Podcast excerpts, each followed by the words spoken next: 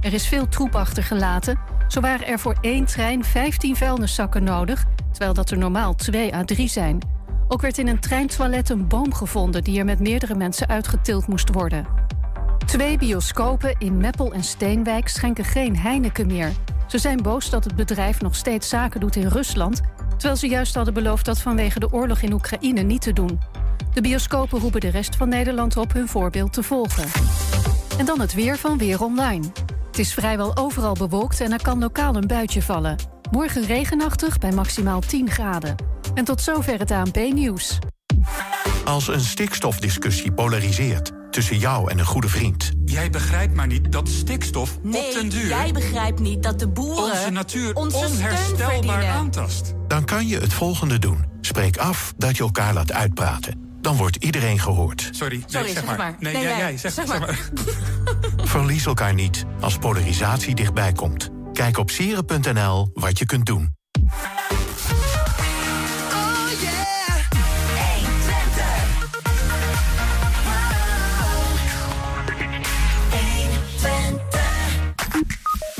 De gemeente Hengelo presenteerde afgelopen maand het plan om de stad van het aardgas te krijgen. Met een belangrijke rol weggelegd voor het warmtenet. Maar daar is niet iedereen blij mee. En er komt een nieuwe documentaire over de Spacebar en Warp Technopolis... waarin ze de culturele betekenis van beide gaan weergeven. Nachtburgemeester Annabel Bunt en eh, Leon zitten in de docu en praten ons bij.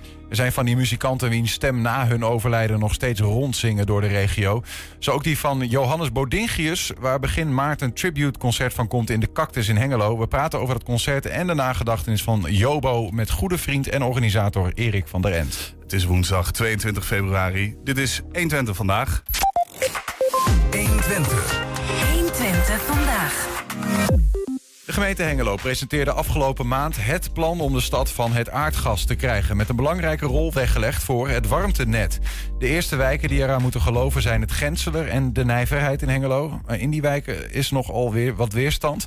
Bewonersoverleg Nijverheid of De Bon heeft afgelopen maandag raadsleden bijgepraat over de bezwaren tegen dat warmtenet. En bij ons is aangeschoven Fred Holtkamp. Hij is eh, bestuurslid van De Bon. Zo zeg ik dat goed, hè? Zo heet Ja, dat. helemaal. In eh, volkstermen. Welkom. Ehm, ja, hoe ging dat die afgelopen maandag, die bijeenkomst? Nou ja, goed, we hebben een eh, presentatie eh, in elkaar gezet en die hebben de raadsleden gepresenteerd. Er waren zeven partijen vertegenwoordigd en ja, die waren toch wel redelijk goed voorbereid tot onze vreugde. Mhm. En eh, we hebben een eh, goed verhaal neer kunnen leggen en toch ook wel eh, kritische geluiden van de raadsleden teruggehoord. Dat ook zij nog wel de nodige vragen hebben. Oké, oké. Nou, dat, dat, dat scheelt, want hè, het plan moet nog door de raad. Dus zij moeten ergens ooit een keer de handjes op elkaar gaan klappen voor dit plan. Ja. En je moet hen natuurlijk overtuigen in dit geval. Ehm, eh, vertel even, wa- waarom hielden jullie die bijeenkomst? Of is dat een te grote vraag, bijna? Ehm, nou ja, goed, wij willen gewoon dat de raadsleden in Hengelo goed geïnformeerd zijn voordat zij een besluit gaan nemen over dit voorstel van het college. Mhm. En nou ja, je zegt al van hè, die zeven partijen die er vertegenwoordigd waren, die waren goed ingelezen. Dus die snapten waar jullie eh, mee kwamen. Eh, deels eh, waren ze redelijk goed geïnformeerd. Ja. Is dat nodig in dit geval? Is het, is het, is het moeilijke materie? Ik denk wel dat we een aantal eye-openers geplaatst hebben. Oké, zou je die met ons willen delen? Eh, jawel. Ja, dat, eh, dat gaat met name over eh, de kosten. Hè, de, de, de gemeente heeft tot nu toe nog niet ja, een, een financiële onderbouwing gegeven. Ja. Zo van, wat gaat het nu kosten? En ja, ze hebben wel voorlichtingsavonden gegeven in de wijk. Mhm. En, en daarin wel aangegeven wat de aansluitingskosten eh, dan voor de bewoners zijn. Ja. Die zouden op zo'n 4000 euro na aftrek van subsidies eh, uitkomen. Eenmalig. Eenmalig. Ja. Maar eh, wat er dan nog aan infrastructuur geïnvesteerd moet worden. Mhm. En wat de bewoners daarna aan gebruikskosten kwijt zijn, dat is nog allerminst bekend. Ja, ja. Eh, Misschien hebben we een stapje overgeslagen. En namelijk dat warmtenet zelf. Hè. Eh, Dat is goed voor mensen die dat gemist hebben. En we moeten natuurlijk in een notendop in Nederland eh, in 2050 allemaal eh, van het gas af. Hè. We mogen geen aardgas meer gebruiken om te koken, om te verwarmen, dat soort dingen. heeft te maken met Groningen en met dat aardgas eh, CO2 zou uitstoten. En dat dat niet, ja, dat is niet goed voor het klimaat, zeggen de mensen. Ehm, en een van de alternatieven om te verwarmen is dan het warmtenet. Buizen onder de grond die eh, met water dat opgewarmd wordt door bijvoorbeeld Tens of door Axo Nobel. eh, en die komt bij jullie dan, zou de huiskamers inkomen. Dat is dan het idee. Dat is inderdaad het idee. En dat vinden wij een van de opties. Want er zijn namelijk eh, meer en veel goedkopere opties. die ook veel sneller uitvoerbaar zijn. En die komen hierin niet aan de orde. In dit voorstel van het college. Nou, vertel, want, want, want de, eh, vorige, nou, twee weken geleden zat hier Claudio Brugging en die zei van ja, goed, dit is wel echt eh, de, de beste eh, we can get, zeg maar. En De, de wethouder. En de duurste. En de duurste. Ver weg. Nee, want eh, we weten dat er een x aantal alternatieven zijn. Bijvoorbeeld, kijk, een warmtenet kun je, dat zeggen ze, is een grootschalige oplossing. Je trekt die een groot buizenstelsel door de stad en die sluit je aan op die huizen en dan hebben ze allemaal warm water en, eh, en, en verwarming. Eh, een alternatief is dat je allemaal verschillende huizen gaat aansluiten op bijvoorbeeld een warmtepomp. Eh, nu heeft iedereen een eigen ketel. En dan zet je er een warmtepomp bij naast. Ja, maar dan heb je nog steeds die ketel. En dan heb je nog steeds die ketel. En die kan de komende jaren dan nog een, eh, met een klein beetje aardgas eh, bijgebruikt worden. Voor zover de, koude, de echte koude temperaturen, hè, als het echt gaat vriezen, dat een warmtepomp niet meer voldoende is. Ja. En dan kun je dat eh, bijst- bijsturen met nog incidenteel een klein beetje aardgas te gebruiken. En op termijn kan je dat aardgas ook vervangen door een ander duurzaam gas. En dan heb je een permanente oplossing. Ja. Ehm, maar, de, want ik kan me dat voorstellen. Eh, er zit natuurlijk een, een soort van voor, verwachting in dat er dus op termijn een alternatief voor, voor gas komt. Dat je in zo'n zogeheten hybride warmtepomp pomp kan gebruiken. Ja. Ehm, maar tegelijkertijd zegt de wethouder ook, de gemeente, er is gewoon keuzevrijheid. Dus als u graag zo'n hybride warmtepomp wil hebben, dan kan dat toch gewoon? Eh, ja, zeker, dat kan. Dat kan. Ja. En eh, de, de wethouder heeft ook in de voorlichtingsbijeenkomsten heeft eh, eh, uitgesproken dat die keuzevrijheid er is. Maar hij gaf er toen meteen een waarschuwing bij achteraan. Ja, maar pas wel op, want als je dat niet doet, kon je later wel eens bedrogen uitkomen. Dus hij geeft eh, de keuzevrijheid met een eh, dikke waarschuwing erachteraan. Eh, Als je dus niet op het warmtenet gaat, kun je bedrogen uitkomen. Dat zegt hij. Dan, zeg, ja, dan suggereert hij dat je wel eens voor veel hogere kosten zou kunnen komen te staan. En waar zouden die kosten dan in zitten? Dat je niet, je niet gesubsidieerd dan alsnog moet aansluiten. Omdat er mogelijk geen alternatief komt voor gas, waar u het net over heeft. Eh, Als je de hybride gaat, namelijk, is goed om uit te leggen. Ja. Je, hebt, je hebt twee soorten, of twee, nou ja, de meest uitgesproken alternatieven. Dat is of de warmtepomp of de hybride warmtepomp. Ja. En de warmtepomp die gaat op vol op elektriciteit. Dat is alleen elektrisch en die is alleen geschikt voor goed geïsoleerde woningen. Ja, En de hybride warmtepomp, daar kun je nog een, de ouderwetse cv-ketel eh bij naast gebruiken voor als het echt vriest buiten, als het echt 10 is of zo. ja. En, eh, maar die, eh, de, de moderne cv-ketels die kunnen tegenwoordig al heel eenvoudig door middel van het verwisselen van een brander kunnen die omgebouwd worden zodat ze geschikt zijn voor waterstof. Ja, maar goed, waterstof is op dit moment nog geen eh, groen alternatief. Het is ook, Nee. ik weet eerlijk gezegd überhaupt nog niet of er cv-ketels op waterstof zijn. Die zijn er. Die zijn er al wel. Ja. Oké, maar het bezwaar daartegen is dat het nog niet groen is of dat het überhaupt nog te duur is. Ja, er is nog niet voldoende groene waterstof en er is zeker nog niet eh, voldoende van. En Ja. eh, de productie ervan, die, eh, die is nog niet optimaal. Maar u heeft er wel vertrouwen in dat dat alternatieven gaat komen. Nou, als ik kijk naar de ontwikkelingen in de afgelopen paar, paar jaar, dan gaat dat wel heel snel. Ja. Maar wat is dan precies het probleem? Want dan kan de wethouder wel zeggen: ja, dat kan u doen met, met eigen risico. En ik hoor u zeggen: ja, ik moet dus dat risico wel te nemen. Ja, precies. Want die ontwikkelingen die, die gaan gewoon heel snel. Je hebt alleen nog maar een bijverwarming, een CFV-verwarming nodig voor die enkele dagen in het jaar hier in Nederland dat het echt flink vriest. Ja, ja. Maar dat is toch, dan is het toch opgelost? Want een, dan zegt de gemeente, wij gaan een warmtenet uitrollen. Ja. Ehm, en als u daar niet op wil aangesloten worden omdat u denkt dat gaat mij mogelijk in de papieren lopen. Ik, sluit, ik koop liever een losse hybride warmtepomp. Ja. Nou, dat is toch prima? Ja, dat, eh, dat is ook helemaal prima. En dan hoop ik dat alle bewoners zich eh, voldoende bewust zijn dat ze een keuzevrijheid eh, hebben. En dat als ze kiezen voor een warmtenet, dat ze dan voor de rest van de jaren wel vastzitten aan een heel duur systeem. Wat ze jaarlijks veel geld gaat kosten. Maar, ze, maar want als, ik, als u dit zo zegt, dat is op zich ook prima. Dan zegt u feitelijk, als de wethouder dit in stemming zou brengen... en ik zou raadslid zijn, dan zou ik daar gewoon voor stemmen. Want ik heb gewoon een keuzevrijheid en ik kan voor een hybride warmtepomp kiezen. Wat is nou het probleem precies? Nou, het probleem is uh, dat uh, die hybride uh, warmtepomp wel in het warmteplan moet staan. Mm -hmm. Want als die niet in het warmteplan staat, dan komt die ook niet in het uitvoeringsplan voor de wijken. Mm -hmm. En wat betekent dat concreet voor uw huis bijvoorbeeld? Nou, als uh, bijvoorbeeld in, de, in, de, in, in het warmteplan uh, geen hybride warmtepompen staat, dan is dat geen optie voor het wijkuitvoeringsplan. Mm -hmm. Dus dan kan ik, dan, dan heb ik geen keuze. Dan is er alleen maar warmtenet. Dus u kunt dan niet kiezen? Nee, dan kan ik niet.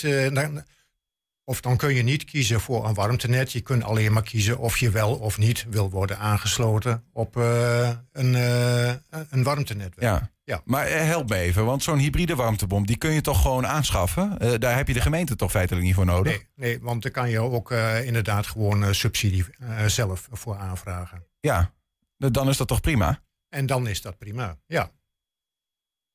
Maar de, dan, dan snap ik nog steeds niet helemaal wat nou het probleem is met het huidige plan. Als het dan niet in het plan van de gemeente staat, de hybride warmtepompen. Dat is dan toch eigenlijk niet uw probleem. Zeggen van ja, is goed joh gemeente, doe maar. Leg het warmtenet maar aan, hartstikke ja. goed. Wie dat wil gebruiken, uh, prima. Maar let op, er bestaan bezwaren tegen. Ja. Ik ga die gebruiken. Nou ja, goed, wij uh, zijn bang dat, uh, dat heel veel mensen zich toch laten intimideren door de gemeente. En gaan zeggen van laten we het toch maar doen. Ja.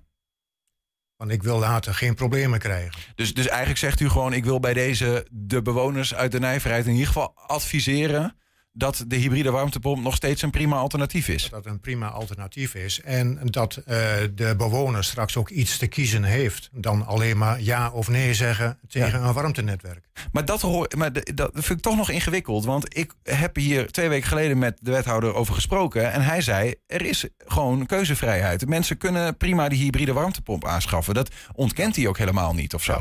Ja. Maar u vindt dat dat te weinig wordt door de gemeente wordt gepropageerd? Ze zijn te veel met dat warmtenet bezig. Ze zijn alleen maar met het warmtenet bezig. En toch zegt de wethouder het hier wel. Hij ontkent het niet. Maar hij zou ook ja. meer mogen zeggen, zegt u. Hij zou best wel uh, meer mogen zeggen, inderdaad. Ja. Eh, eh, hoe leeft dit breder in de buurt? Als, want er zijn heel veel informatiebijeenkomsten gehouden de afgelopen tijd... waarin de ja. gemeente vertelt wat ze van plan is...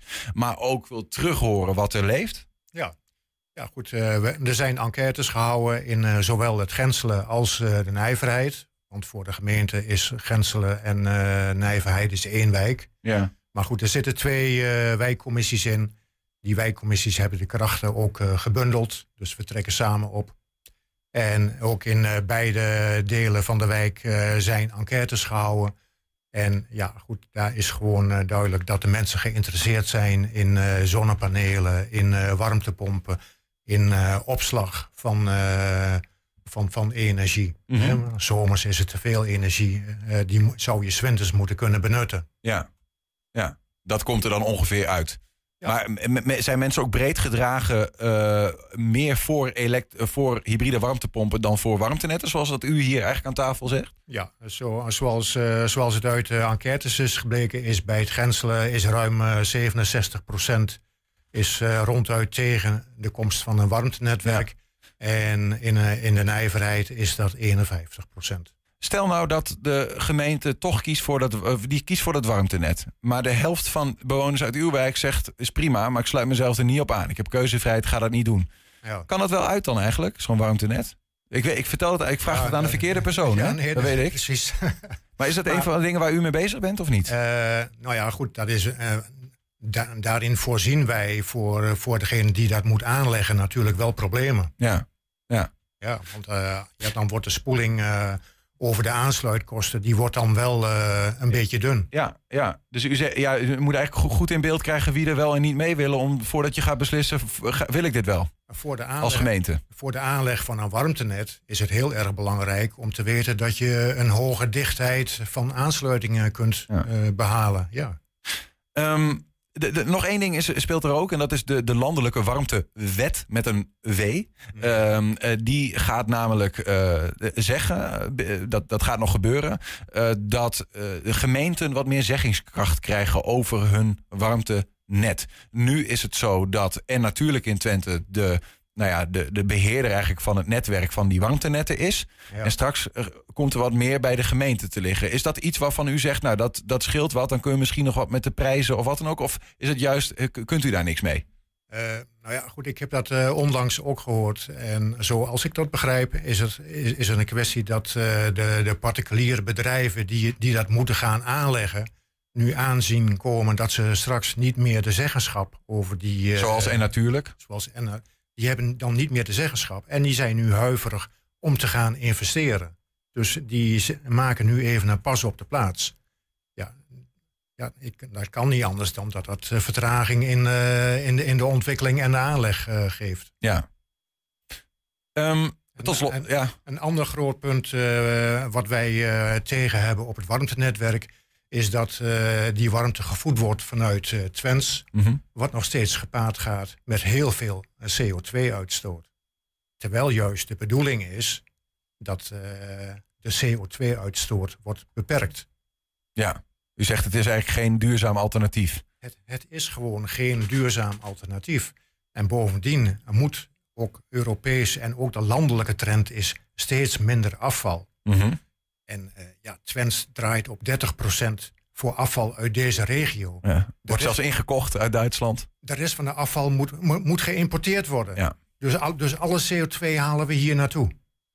Ja, nou, nou weet ik niet zeker over hoeveel CO2 dat gaat. En wat, nou, wat, want het gaat natuurlijk om een, een duurzamer ja, alternatief. Hè? He, heel veel. Ik heb ja. uh, gehoord dat dat zo rond de 900.000 ton per jaar is. Ja, dat zegt mij niet zoveel. Maar goed, het, gaat, het is natuurlijk in vergelijking met de, de, de CO2-uitstoot die gas met zich meebrengt. Want daar kijken we dan denk ik naar. Ja, precies. Maar goed, als je over heel Hengelo kijkt... dan is 20% van de CO2-uitstoot komt voor rekening van de huishoudens. Mm -hmm. En 80% is voor rekening van de bedrijven. Ja, ja. Dus waar wij het nu over hebben, is over die 20% uitstoot in Hengelo. Helder. Um, dat waren ze, de, de grootste bezwaren. Dus kosten, uh, onduidelijk voor nu, en uitstoot. Nog uh, één, tijd. Tijd om aan te leggen van de warmtenetten is een x aantal jaren. Dus dat gaat een hele tijd duren als mm -hmm. ze niet al te veel tegenslagen krijgen. En zo'n hybride warmtepomp is binnen een paar jaar gerealiseerd. U bent er wel uit. Voor, voor, voor ons is het helder. Voor, voor, nu wel, ja. nou, dan heb ik echt nog, nog één vraag. Hè. De, de, de, de wethouder en dus het college van Hengelo, de gemeente, heeft dit plan, uh, gaat dit plan in, in stemming brengen. Uh, ga, gaat u hier ook nog wat, uh, zeg maar, officieel een, een zogeheten zienswijze indienen? Ja, ja, ja, Een klacht, zeg maar. Een... Ja, er zijn inderdaad al mensen die een zienswijze hebben ingediend. Ook wij als bewonerscommissies. Om gaan... die hybride warmtepompen op te nemen in het warmteplan. Ja, en om, om alle bezwaren en uh, vragen uh, to, toch duidelijk voor het voetlicht uh, te brengen. Zodat de raadsleden hiermee aan, aan de slag kunnen. Ja. Want, want dat is het belangrijkste, want zij beslissen uiteindelijk. Precies. Ja, en, en, dan hebben we daarna, hebben we op 28 maart, is er nog een politiek spreekuur over dit onderwerp. Waar we gebruik van willen maken. En dat is dan echt de laatste gelegenheid. Dus als iemand nog iets wil zeggen of horen of uh, echt erbij wil zijn wat de gemeente hierover vertelt. Op 28 maart in het gemeentehuis is er, is er een politieke markt over dit onderwerp. Mm -hmm. Nou, en dan is het voor de burger uh, klaar, want dan gaat de raad op 19 april uh, een besluit hierin nemen. Ja, dus spreek nu of uh, zwijg voor altijd. Dat is een beetje de, de, de, de wat ik hoor. Um, Fred Holtkamp, dank en uh, succes met het overtuigen van uh, de raadsleden die uiteindelijk moeten gaan stemmen. Dankjewel. Zometeen er komt een nieuwe documentaire over de Spacebar en Warp Technopolis in Enschede. Waarbij, eh, waarin de culturele betekenis van beide wordt getoond. Nachtburgemeester Annemel Bunt is hier. En Leon Groothaar, die eh, eigenlijk de documentaire heeft geproduceerd namens het Nachtkantoor. En eh, die praat ons daarover bij. Ja, we zwaaien Fred Holtkamp uit. hè. Net gepraat over het warmtenet. Ander ding rondom die warmte. Ehm, mis jij dat nou in je huis eh, in deze tijden van de energiecrisis? Ehm, dan willen we het graag van jou horen. Laat je van je horen via 120.nl slash vragenlijst. Daar vind je een mooie enquête. Het duurt ongeveer twee minuutjes voor invullen. Kan volledig anoniem. En dan weten wij wat er speelt in Twente. Dank je wel. 120. 120 vandaag. Ik dacht dat je het over de volgende gast ging hebben met de warmte. Dus Nee, ja, misschien, misschien ook wel. Daar gaan we achter komen. verhit onderwerp. Eh, aan de andere kant, eh, de- ik, de eerste zin van mijn introductie eh, klinkt niet heel warm. En toch weer wel. Want er zijn van die muzikanten die nooit doodgaan. Nooit echt. Ze trekken hun sporen door de regio, het land en ver daarbuiten... door hun stem, hun muziek en hun uiterlijk en door wie ze zijn. Johannes Bodingius, afgekort Jobo, was er zo een. Een zuiderling uit Eindhoven en omstreken... die in Enschede neerstreek en de folk en bluegrass voor goed kleurde. Veranderde misschien wel. Jobo overleed in november 2021 in Enschede. Begin maart dit jaar is het podium van de Cactus in Hengelo... het decor voor een tribute aan hem, met bekende namen. Aangeschoven is Erik van der End. Hij is muzikant en hij is vriend van Bodingius... maar ook organisator van dat eh, Jobo Tribute. Voordat we gaan praten, Erik, even een impressie van hem uit de oude doos.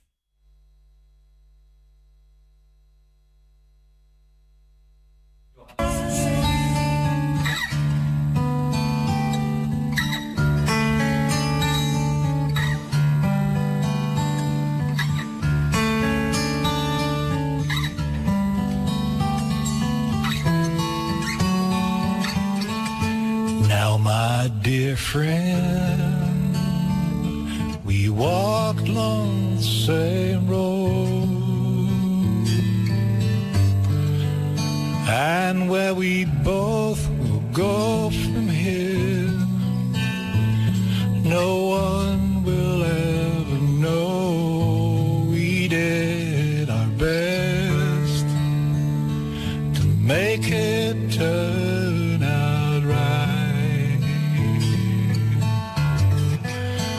But since your love has disappeared, we turned out the light. Now it's all gone. There's no returning now. We burned the bridges that we built between our hearts. Yes, it's all done.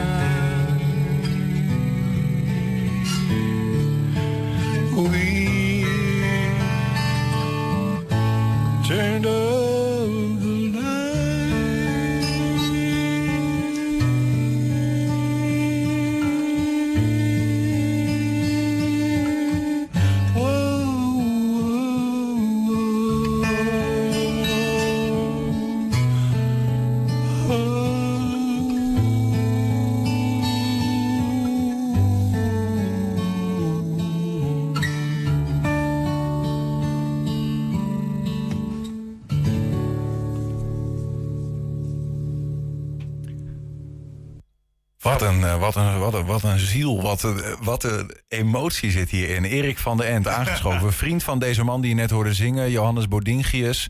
eh, organisator dus van een tribute aan hem. Hij leeft niet meer sinds eh, 2021, eind 2021. Erik, welkom. Dank je. Eh, Dankjewel. je, je zat er helemaal in, hè? Ja, ik kreeg, eh, het sloeg me echt op de stemband ook weer even. Om eh, ja, een stem die je zo goed kent, maar die er niet meer is. En je ziet hem weer even groot zo. En dan komt het. Ik vind het prachtig, dit soort liedjes. Ja. En zo mooi. Het is ook hele speciale stemmingen, die kende hij ook. Het zijn geen gewone stemmingen waarin hij speelde. Klinkt bijna of een harp is ook zo. Hè? Zo, zo mooi, rustig, zoveel timing zit erin. Zoveel adem. Fantastisch.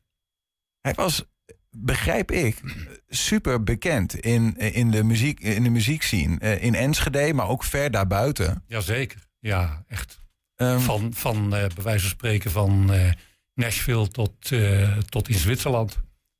En dan Nederland en een stukje Duitsland er nog tussenin. vanwege wat wij nu net gevoeld hebben. Nee, dit is de laatste, wat ik eigenlijk de laatste fase van, eh, van zijn ontwikkeling noem.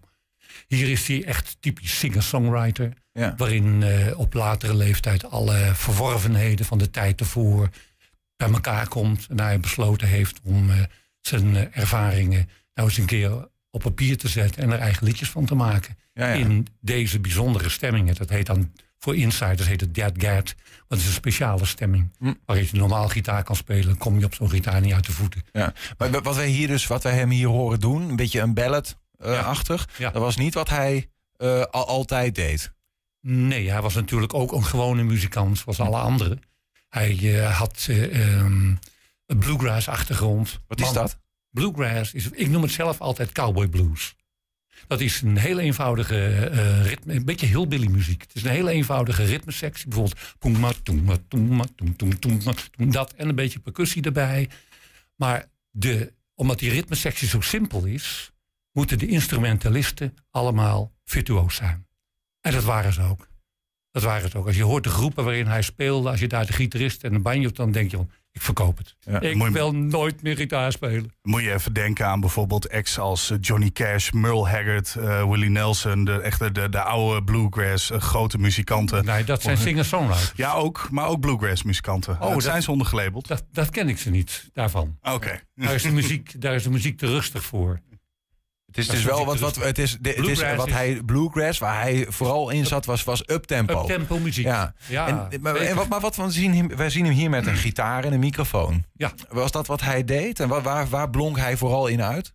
Hij blonk vooral in, eh, in, de la, in deze fase blonk hij uit in dat hij... Wanneer was dit overigens? Even voor. Ik eh, denk dat dit in, ergens in 2000 is geweest. Ja, oké. 2002 misschien. Ja. Dit eh, is, ik denk ik, nog van de voorloper van jullie. Dat jullie het zelf op hebben genomen. oh, dat zou best kunnen hoor. Dat, R- dat, RT- RTV Enschede of zo. Zoiets dergelijks. Ja, daar komt het van. Ja.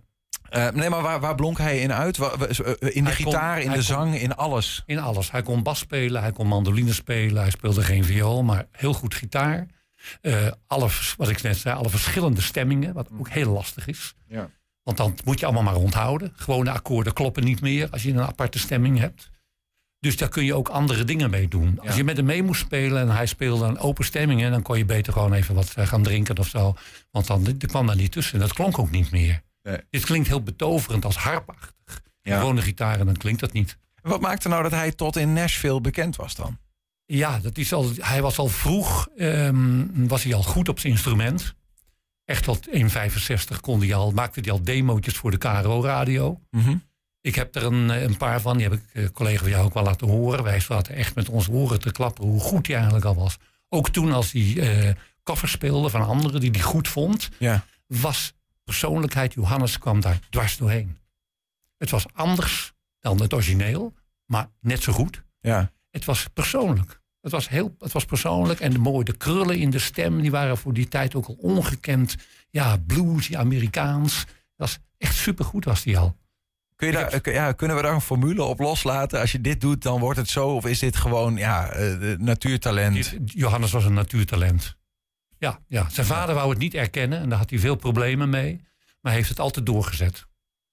En heeft hij later in die songwritersversie, die fase waarin we net het lied van hebben gezien, Mhm. heeft hij daar ook liedjes over geschreven.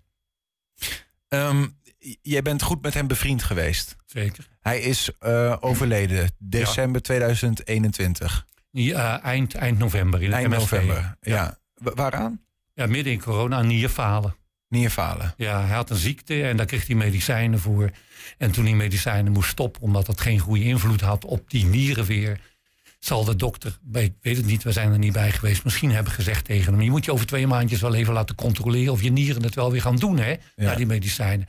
Ik ben er niet bij geweest, maar ik stel me voor, als het een goede vakman was, dat hij hem dat zal hebben gezegd. Mhm. Hij heeft, Johannes heeft dat in ieder geval mij nooit verteld. Hij heeft alleen gezegd dat hij medicijnen had, maar nooit gezegd dat hij moest stoppen. Ja, ja. Toen hij stopte, namen de nieren het niet over. Wat er dan gebeurt is, je bijnierschors produceert cortisol, dat is je stresshormoon. Dat deed hij niet meer, dat maakte hij niet aan, dus hij viel weg. En hij leefde ook een beetje vereenzaamd. Hij dacht dat niemand meer van hem hield en dat hij geen vrienden meer had. Goeiedag. En eh, als je te dicht op de huid kwam, dan stuurde hij je weg. Want ik, kwam altijd, ik kwam vaak wel bij hem, maar vaak één keer in de maand om te controleren. Dat voelde hij ook wel en dat wilde hij niet. Ja, ja. Tegen etenstijd moest ik altijd oprotten. Want ik keek in de keuken wat hij had. Of hij nog wel goed voor zichzelf zorgt. Maar die hield hij niet van. Hij had altijd een vader gehad, zei hij in zijn leven. Oh, ja. Eentje was genoeg. Ja. Wat zegt dat over hem? Dat hij eh, met eh, zijn eh, vader in een clinch lag. Ja. Gevoelsmatig. En dat hij een sterke persoonlijkheid had. Had die door het leven gepokt en gemazeld was. En zijn eigen eh, patroon had getrokken. En daar bleef hij bij. Ja, ja. Hij was heel goed en heel precies in wat hij deed. Of het nou de tuin was, of dat hij eh, eh, bijhouden van zijn huis, of elektriciteit. Alles was tot in de puntjes was verzorgd. Ja. Soms hoor je van die mensen die, die zo goed zijn in iets, maar die daar ook zo perfectionistisch in zijn, dat het ook soms wel ingewikkeld is om met ze samen eh, te werken. Hoe, hoe was dat in zijn geval?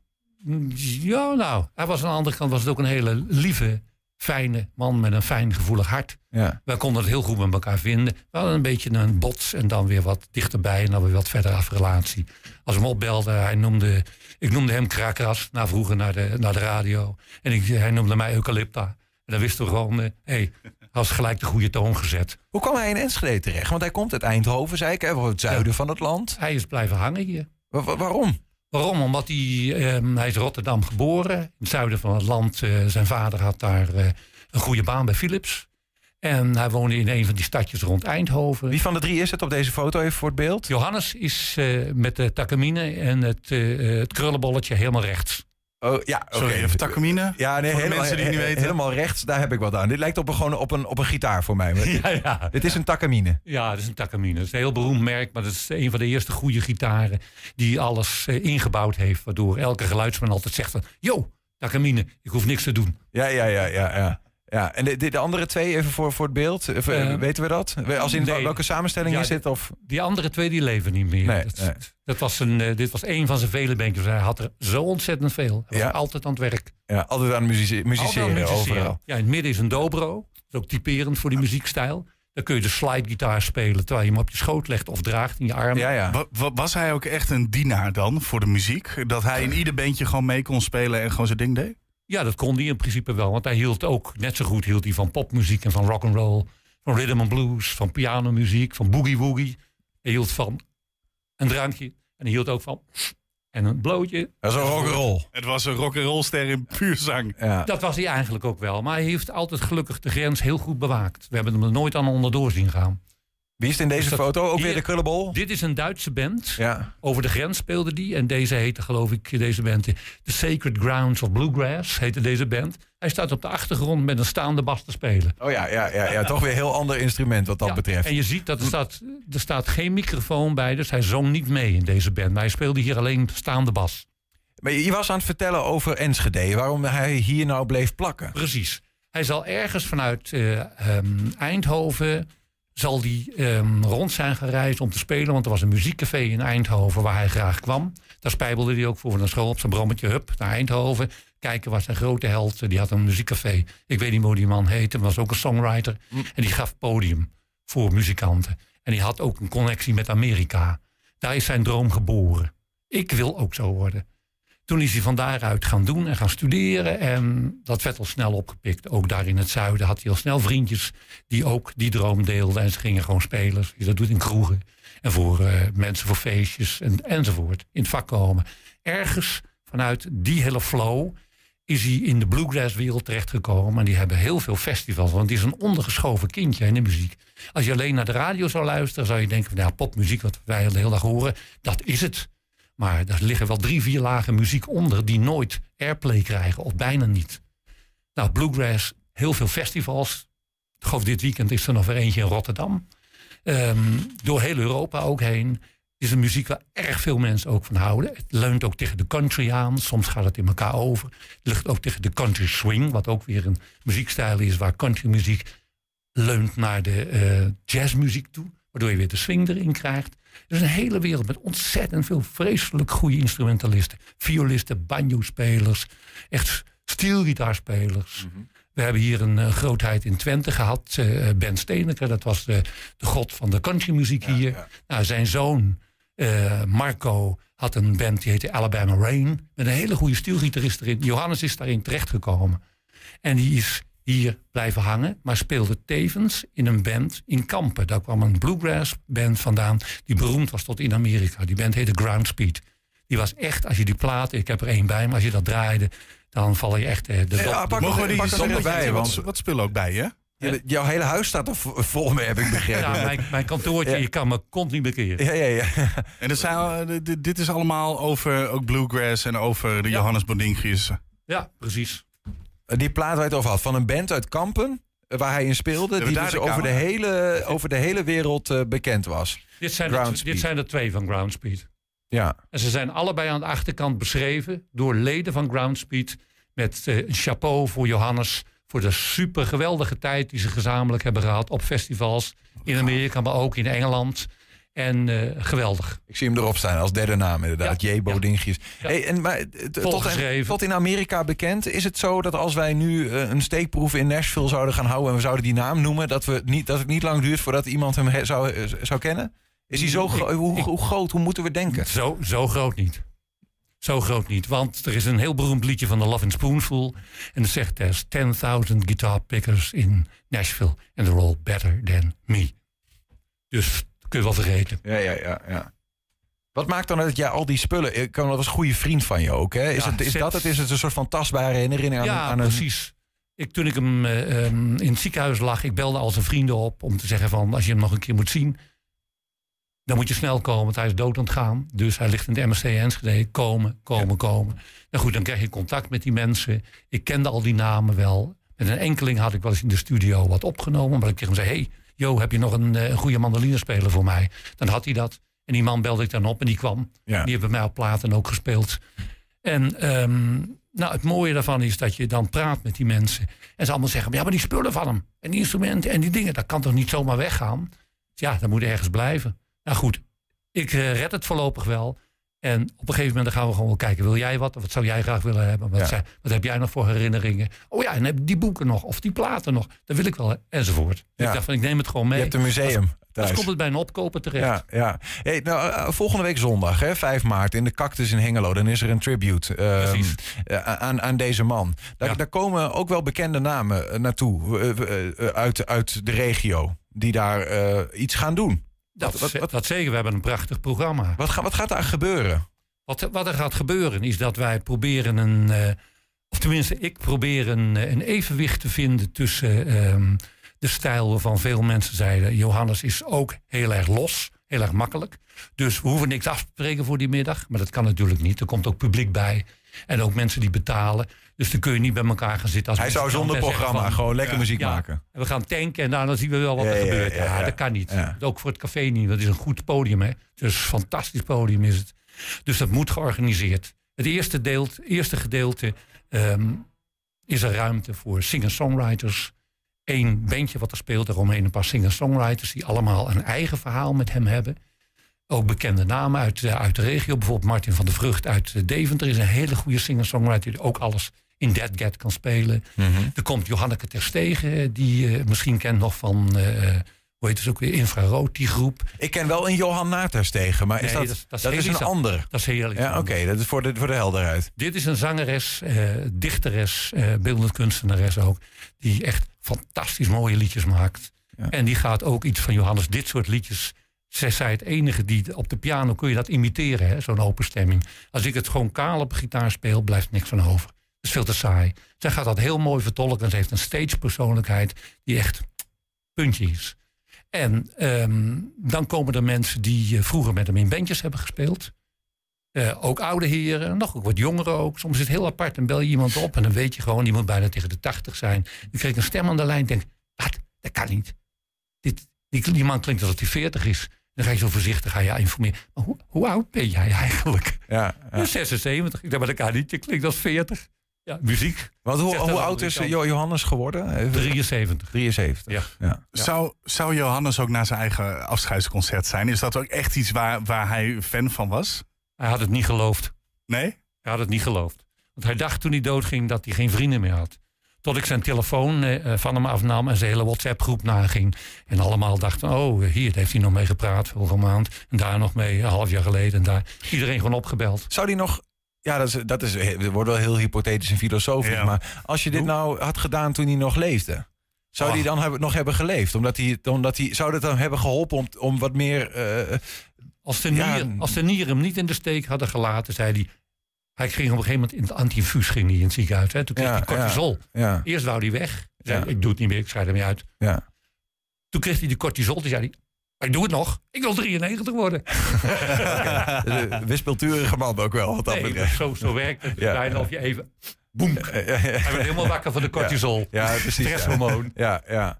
Ja, ik denk dat hij het fantastisch had gevonden. Hij Ja. had een warm bad gevonden. Hij had zich omringd met allemaal maten van vroeger zijn leven. Ik denk dat het een injectie was geweest voor jaren door te gaan. Eh, Als je nou één anekdote gewoon nog moet opdissen eh, eh, over hem. Hè?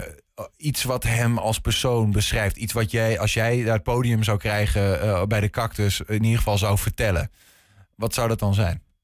Om af te sluiten. Oeh, dat is lastig. Ja, ik, daar leg ik het misschien te veel druk op. Maar Ja, dat is lastig. Heb jij iets met hem meegemaakt? Iets waarvan je denkt, dit kan? Want het zijn rock en roll jaren geweest, gok ik. Ja, ja, op zo'n manier niet. Op zo'n manier Nee? eigenlijk niet. Nee, we hebben wel heel veel op kunstenaarsfeestjes. En ook bij mij op mijn atelierfeestjes. Eh, op verjaardag. Ik heb huisfeestjes gehouden waar we echt alles uit de kamer eruit kwakten. Alleen de piano bleef staan en de banken. En iedereen erin muziek maken met elkaar. Weet je, dat soort dingen. Maar daar hebben we geen echt eh, spectaculaire, rare dingen meegemaakt. Zijn bandleden, die gaan straks dingen vertellen in de cactus. Die hebben het wel meegemaakt. ja. Wat ik wel een mooie anekdote vind, is ik kende hem eh, van naam een beetje. Ik maakte programmering voor eh, Café Jans en Jans hier in Enschede. Daar zat een vriend van mij op, die speelde saxofoon in mijn rock'n'roll band. Frank van Os. En die was de eigenaar van het café. En ik deed programmering voor hem, want ik was een beetje een huisslaafje. Als hij wat nodig had, muziek, dan zei hij van, eh, ook was het drie uur s'nachts, dan belde hij op. Dus ik heb er op de bar muziek staan te maken. En van alles, mijn spullen stonden altijd bij hem in de keuken. Ik, als ik binnenkwam en ik zag er slecht uit, zei hij van, jij moet eten. Greep hij de telefoon en dan belde hij om de hoek om een biefstuk te bestellen. En dan zag hij erop toe dat ik had. Zei hij zo, en dan mag je weer verder. Weet je zo. Daar programmeerde ik voor. En op een gegeven moment komt er een eh, lange man binnen met die hoed op. En die komt naar me toe en stelt zich voor. Hé, hey, ben Johannes. Oh, ja, dit is hier een leuk café hier. En ik zei, wat, wat kom je doen? Eh, Dat, ja, ik ben muzikant. Oh, leuk. eh, ga zitten. Wat, doe- wat doe je? Ja, ik doe bluegrass. Ik dacht, bluegrass? Ja, ik vond ook maar cowboy, cowboy muziek. Ik dacht van, ja, ja, dat doen ze hier niet zo, zei ik tegen hem. Zeiden ze, ja, maar ik heb een heel mooi bandje voor je. Het heet Hot Grass, was hij dat uitspraak op zijn Grass. nep, nep, nep te- Texas accent. ja, Ja, ja, ja. Zo, Hot Grass. Dat zei. Oh, dat Hot Grass, wat is het dan? Zei ja, ja, bassist, eh, mandoline, viool, gitarist. En het is echt goed. En we zingen vierstemmig. Nou, oké, ik had hem geboekt op een doordeweekse dag, want dat is het enige wat nog vrij was. Dus hij kwam daar, ze zijn gaan spelen. Ik heb zitten kijken op een hoekje van de bar. Drie mannen een paardenkop. De rest ging gewoon bier drinken. Dat luisterde waar in meter. Want die muziek lag niet in hun begripskader. Mhm, Die hielden meer van knop op 10 en verdankt. En jij was meteen... Ik dacht, wauw, dit is supergoed. Ja. Dit is echt supergoed. Ik heb hem daarna heel lang niet gezien. Tot ik voor een klus naar het westen moest, in de trein zat. Hoed op, koffertje bij me, want ik schreef onderweg ook veel. Alles wat me inviel schreef ik op, en dat gebruik ik ook voor liedjes. En ik schreef ook voor een tijdschrift in het westen. En ehm, zat er aan de overkant, zat er een man, die had ook zo'n hoed op. En de gitaar naast hem. En ik keek zo op een gegeven moment opzij en dacht, verrek, heb ik jou niet eens geboekt voor Jansen en Jansen? Keek hij zo opzij en "Huh? volgens mij wel. Nou ja, we hebben de hele reis zo'n beetje tot Utrecht toe. Want hij moest naar Rotterdam. En dat was het begin van een vriendschap. Ja, precies. Wat ga jij doen? Hij ging spelen bij, eh, bij het Rood Theater. Dat speelde hij in Rotterdam In op het podium. ja. Maakte die muziek tussen de voorstelling door. En ik moest naar, eh, naar Amsterdam, naar mijn eh, opdrachtgever. En ja, zo eh, kwam het weer bij elkaar. En op een gegeven moment daarna zijn we elkaar weer op een sessie... of bij een optreden, dat we allebei geboekt waren. Hé, hey, verrek, jij ook hier? Moet jij doen? Ja, werk ook vanavond. Ja, ik ook. Nou, aan het einde doen we er nog eentje samen. Van, leuk samen nog. een- Weet je, zo begon het dan. Ja, ja. En dan denk je van, verrekt, dat kunnen we eigenlijk wel goed samen. Hoe lang heb je hem gekend uiteindelijk? Ik heb hem gekend vanaf 1986 tot eh Tot, tot het, einde in 2021. 20, nee, 2021. Ja. Ja. Ja. Als je hem ook eh, wil leren kennen, dan hopen we dat door dit gesprek een beetje heeft eh, geholpen. Maar ook volgende week zondag eh, Ja. 5 maart in de Cactus. Even nog alle praktische informatie. Hoe laat? Het begint om drie uur, van drie tot zes is het. Om 3 tot 6 in de Cactus. in de. Kaarten. Kaartjes, ja, graag via de website bestellen. Want de café-eigenaar die vraagt er maar 5 euro voor. Dus dat is wel... Dat, Hebben we dat over- helder? Dat Die- overleef je wel. De, de, de, de, website van de Cactus in Hengelo. Ga het even googlen. Dan Na- eh, kom naar je de agenda en dan zie je zelf stage tickets, kaartje kopen. Precies. Maar dan weet je in ieder geval zeker een beetje hoeveel mensen er gaan komen. Juist. Ehm, Erik van den Ent, eh, eh, een vriend van Johannes Bodingius, organisator van de tribute aan hem. Dank voor, eh, voor jouw uitleg. Ik, ik kende de naam nog niet, maar ik, ik hoor wel dat het een. En ik hoor dat ook van hemzelf net, hè, dat het Ja. een zeer getalenteerd en muzikant was die echt je ziel kan raken, wat dat Ja, betreft. dat kon hij heel goed. Ja. Dankjewel. En veel plezier volgende week zondag. En ook een beetje sterkte misschien wel. Oh, dankjewel. Maar dat gaat wel lukken. Want er komen zoveel leuke mensen. Er wordt zo mooi muziek gemaakt. Dat weet ik nu al. Dus het is helemaal goed. Dankjewel. We zijn ook als podcast eh, luisteren via alle bekende platforms. Je vindt daar hele uitzendingen en ook elke dag één item uitgelicht. De uitgelichte vind je op 120 vandaag uitgelicht. En de hele uitzending op 120. Eh, eh, en heb je nog een tip voor de redactie? Dat kan natuurlijk ook altijd. Dat kun je gewoon mailen naar info.120.nl. 120. 120 vandaag. Het is inmiddels een kenmerkende plek in Enschede geworden. De Spacebar en Warp Technopolis. Alleen is die experimentele en creatieve scene hier in Enschede nou echt zo booming. En wat is nou de culturele betekenis van zo'n locatie?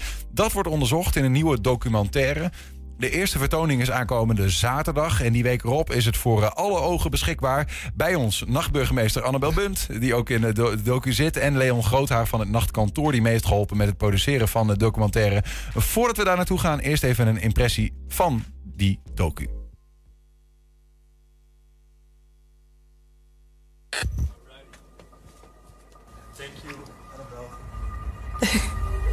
We even have some background noise.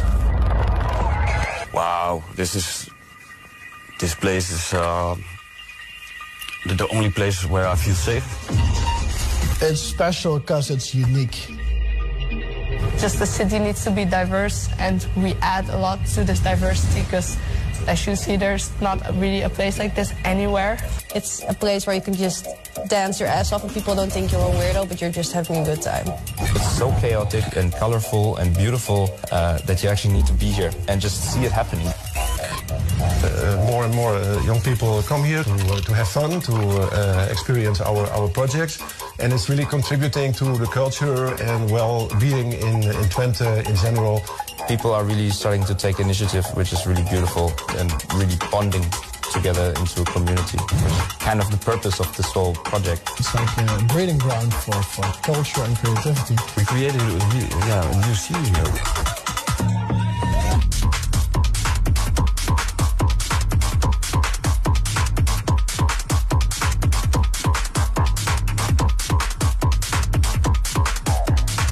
Stukje. Een, eh, een trailer van, eh, van die documentaire gemaakt door onder meer dus jou, eh, Leon. Onderdeel van eh, mensen van mijn eh, collectief. Dus Ja. niet door mij, maar eh, mensen waar ik mee samenwerk.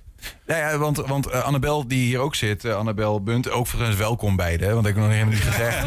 Eh, eh, jij trekt de kar bij, bij Spacebar, bent ook nachtburgemeester in Enschede. Ehm, eh, de- we hebben jou wel eens vaker over deze toko gesproken, maar Leon, hoe kom jij er zo bij? Ja, ik heb zelf dus een kantoor in de Warp, eh, Ja. een plek waar zij ook vaak zit. Ehm, en ik zit zelf bij een DJ-collectief genaamd Nachtkantoor. Eh, we komen met z'n allen uit Nijverdal, eh, maar zijn nu verspreid over heel Nederland naar studie en zo. Mhm. Ehm, en ja, muziek is een soort van de leidende factor in al ons leven eigenlijk. We zijn allemaal DJ's en ehm, we proberen dit soort evenementen te organiseren om elektronische muziek groter te maken in het oosten van Nederland. Ja. Waarom, waarom moest deze documentaire er wat jullie betreft dan eh, komen? Nou, het werd een beetje geïnitieerd door het idee dat we dus samenwerken voor ons komende event met Raya. Dat is een collectief uit Groningen dat eigenlijk exact hetzelfde doen als wat wij ook doen, met dezelfde visie. Ehm, en voor hun publiek uit Groningen was het eigenlijk nog onbekend waar ze in zullen landen natuurlijk. Als je naar Enschede gaat vanuit Groningen, waar, waar kom je dan terecht? Mhm. Uh, dus het was voor ons heel belangrijk om even te laten zien van ja, wat, wat gebeurt hier allemaal? En we hebben het zo uh, visueel gemaakt eigenlijk. Ja, ja. Uh, Annabel, help ons even. De, de Spacebar en Warp in een notendop. Wat, is dat voor, wat is dat voor plek? de Warp is Warp Technopolis. Dat is een creatieve broedplaats aan het stationsplein. Uh, en dat betekent dus dat daar een stuk of 50, 60 mensen in zitten die zich bezighouden met creativiteit, technologie en innovatie. Waaronder Leon en een aantal mensen die aangesloten zijn bij het nachtkantoor. En die mogen daar voor een betaalbare prijs een uh, ruimte huren. En daaronder zit dan de Spacebar. En de Spacebar is eigenlijk een soort hotspot waar we allemaal samen kunnen komen. Dat we ook een drankje kunnen drinken. Een soort van de ingang uh, ja. tot het pand. Dus de, kunstenaars van allerlei uh, gezinten, uh, beeldend, maar ook geluid en bla bla bla, die zitten daar allemaal en die zijn daar, hebben daar kantoortjes zoals jij. En die praten met elkaar om te kijken, kunnen we samen dingen maken, doen. Zo moet ik het zien, Leon. Of ervaar je het anders? Ja, nee, inderdaad. En het zijn niet alleen kunstenaars. Ik werk zelf dus voor een start-up. We maken een uh, klein muziekinstrument. En we proberen eigenlijk dat ding te maken in de context waar het gebruikt gaat worden. Mm -hmm. Dus het, ja, het is niet alleen kunstenaars. Het zijn ook gewoon start-ups die daar uh, ja, uh, gevestigd zijn. Ja. En het, het mooie aan dit pand is dat je inderdaad in contact komt met al deze kunstenaars. Waarmee je dan het product kunt testen bijvoorbeeld. En ja, kruisbestuiving eigenlijk. Uh, het is heel simpel. En de Spacebar is de huiskamer van ons allemaal... waar we gezellig een drankje drinken en elkaar leren kennen... en zo samen verder komen ook. Waarom is die in het Engels? Uh, ja, we trekken in principe een supergroot breed publiek, heel divers. En er zitten gewoon in Enschede heel veel internationale studenten tussen. Mhm. Mm -hmm. uh, dus voor ons is het veel toegankelijker om het dan ook direct in het Engels aan te pakken. En desnoods een Nederlandse ondertiteling bij te doen. Ja, ja. Uh, want dat is in principe ook de, de jonge creatieveling. Daar zit veel internationaal volk tussen. En dat, dat zijn de mensen die we proberen aan te spreken om naar het evenement te komen en zich bij ons aan te sluiten. Ja. Wat hoop je, Annabel, dat zo'n documentaire uh, zou gaan doen? Hè? Want ik bedoel, we hebben wel eens vaak gesproken. Je zegt ook op Facebook van, uh, nou ja, weet je, ik zat ooit te denken, ik ga naar Amsterdam of zo. Maar Enschede, daar gebeurt het ook gewoon eigenlijk. Best wel een mooie stad. Maar misschien wat onderbelicht wat dat betreft. Ja, zeker. Nee, maar het is ook omdat Warp is ontstaan in die tijd. En de Spacebar erbij is gekomen. Dat genereert ook het gebeuren wat, wat ik zoek. En de diversiteit die ik zoek. En ook zeker de inclusie die belangrijk is. Dus dat iedereen welkom is en dat het toegankelijk is. Uh, niemand wordt buitengesloten. Dus uh, om dat allemaal op één plek te hebben, op een centraal punt, is gewoon ideaal. En dat is voor mij dat ik daar, uh, dat ik daar kan werken, ook aan mijn eigen projecten en ook aan mijn eigen bedrijf. Uh, plus dat ik daaraan kan werken, is de perfecte match. En dan ook nog eens 's avonds de ontspanning en het sociale contact om uh, lekker te unwinden. Ja, ja, ja, ja, Wat maak je zelf? Wat doe je zelf? Als, uh, want je zegt mijn eigen bedrijf. Ja, um, ik, ik, werk zelf voor Warp als community manager. En ik heb heel lang de programmering gedaan van de Spacebar. Um, maar daarnaast heb ik ook een bedrijf in videografie en fotografie. Ja. En dat is in de coronaperiode is dat enorm ingestort natuurlijk. Want ik focuste me vooral op evenementen en die waren er niet. Dus toen ben ik in plaats van evenementen filmen voor anderen, ben ik meer evenementen gaan organiseren binnen ja. Warp. Ja. Uh, dus ja, dat, dat doe ik nog steeds eigenlijk. Maar hoop je dat zo'n documentaire van uh, Leon en zijn uh, andere makers, zeg maar, dat, die, dat dat bijdraagt om ook in de rest van Nederland de aandacht op Enschede te krijgen, wat dat betreft, als creatieve stad? Ja, zeker. Warp heeft niet voor niks het thema creativiteit, innovatie en technologie, net als de stad. Het hele punt van het pand is uh, om door de dingen die wij doen en wat wij zijn, Enschede op de kaart te zetten als de stad waar je heen moet. De stad van creativiteit, technologie en innovatie. Mm -hmm. En ik denk dat zo'n documentaire, omdat het er een beeld bij geeft en de sfeer neerzet en mensen laat zien, dat het er ook voor zorgt dat mensen die zich niet zo goed kunnen vinden in wat wij doen, uh, wel meer begrip krijgen, meer ook begrijpen wat we doen en daarmee ook begrijpen wat de waarde is. Ook van- van mijn moeder bijvoorbeeld. Even Ja. gewoon als, als voorbeeld Ja. van iemand die misschien dat, die er langs zou lopen zou denken. Nou, mijn moeder vindt dat misschien wel aardig. Maar gewoon mensen die, die, die niet, die van, je- waarvan je nu zou zeggen, nou, die komen er niet zo gauw. Ja, zeker. Dat zijn mensen die zich vaak toch al afvragen van wat gebeurt daar binnen? Wie zijn daar binnen? En als je dan het jonge, het jonge brede, diverse publiek ziet in zo'n documentaire, je ziet het enthousiasme, je ziet die passie, dan ga je toch wel meer begrijpen Ja. van hé, hey, dit is toch wel een plek die waarde biedt aan de stad. En ondanks dat, het- dat ik en jouw moeder daar misschien niet met ons de hele nacht rond dansen, ze toch wel inziet van oh, dat is toch eigenlijk wel tof dat we dit hebben in Enschede. En Enschede is een stad waar we trots op mogen zijn en waar je ook zeker naartoe moet reizen als je in de Randstad woont. Je, je zegt dat nu, de Enschede is een plek om, om naartoe te komen. Hoe wordt er vanuit andere eh, steden waarin deze community ook zeer levend is, eigenlijk naar Enschede gekeken? Zijn we een beetje vreemde eend? Of? Valt wel mee. Het is, het is vaak komen ze voor het eerst en is het nog helemaal nieuw. En dan denk je, hè, wat is dit voor een stad? Maar eh, ik hoor toch wel veel van de mensen die uiteindelijk vanuit de Randstad naar ons toe komen. En dat zijn dus ook vaak, zoals met Raya, mensen die via een samenwerking of omdat ze artiest zijn bij ons komen.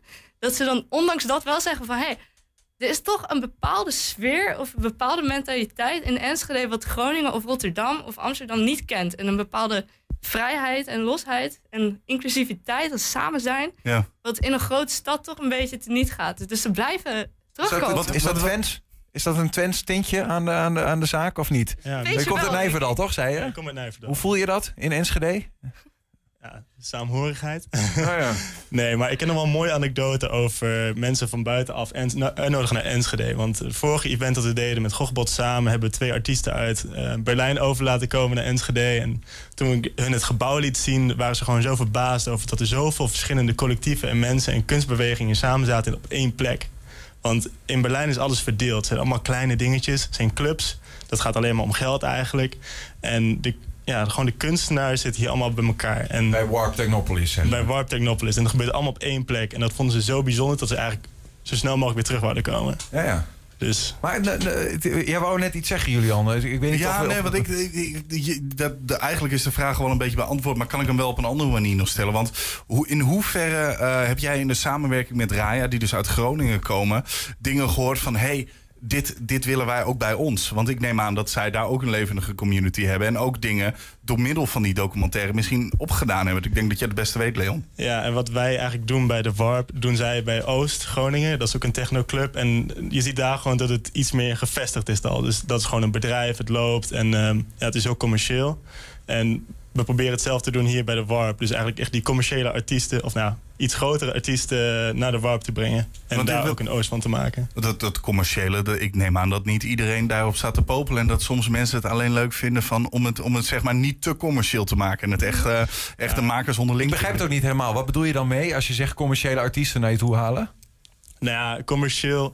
Eigenlijk ons, onze grote voorbeelden zijn dingen zoals de school in Amsterdam, Dekmantel. En dat zijn dingen die de luisteraars waarschijnlijk niet kennen. Eh, dat is voor mij al een soort van groot en commercieel. Ja, ja, ja. En we willen dat soort namen, dus DJ's die veel in Amsterdam draaien, veel in Berlijn draaien. We willen die invloeden ook laten horen. Dat die gewoon in de spacebar komen draaien bijvoorbeeld. Ja. Om het nog groter te maken. Ja. Ja, en dat gebeurt in Groningen al, hoor ik Ja, dat gebeurt zeggen. in Groningen al. Ja. Daar heb je gewoon een gevestigde club, heet Ja. Oost. Ja, precies. Eh, en dat is waar wij eigenlijk naartoe werken om, om op hetzelfde niveau te komen in Enschede. Hé, maar nou, nou ben ik nog wel even benieuwd, Annabel. Want ik hoor Leon zeggen van ehm, eh, mensen uit eh, Berlijn die naar Enschede komen. Terwijl Berlijn zeg maar, de hoofdstad van de cultuur is, eh, zoals we het moeten zien. En zeggen wat jullie daar hebben, Warp Technopolis, is uniek. Hè, dat willen wij, zeg maar. Ehm, maar nou is het tegelijkertijd zo dat dat pand op een gegeven moment gewoon een keer gesloopt gaat worden. Is er eigenlijk al uitkomst over waar jullie nou naartoe gaan? Nee, nee, helaas. Nee, het blijft eh, eh, voor nu ook een beetje duimen op uitstel. Kijken, Ja. hoe, kijken hoe het gaat, hoe lang we er nog mogen zitten. Eh, maar in principe wat we doen is, er is afgelopen week of twee weken terug is er een vacature uitgegaan. We zijn vanuit Planet Art, de stichting boven dit hele verhaal, op zoek naar een projectleider huisvesting. Dus iemand die voor ons eigenlijk op zoek gaat en gaat onderhandelen, praten, uitzoeken. Eh, wat nou een goede plek kan zijn voor ons.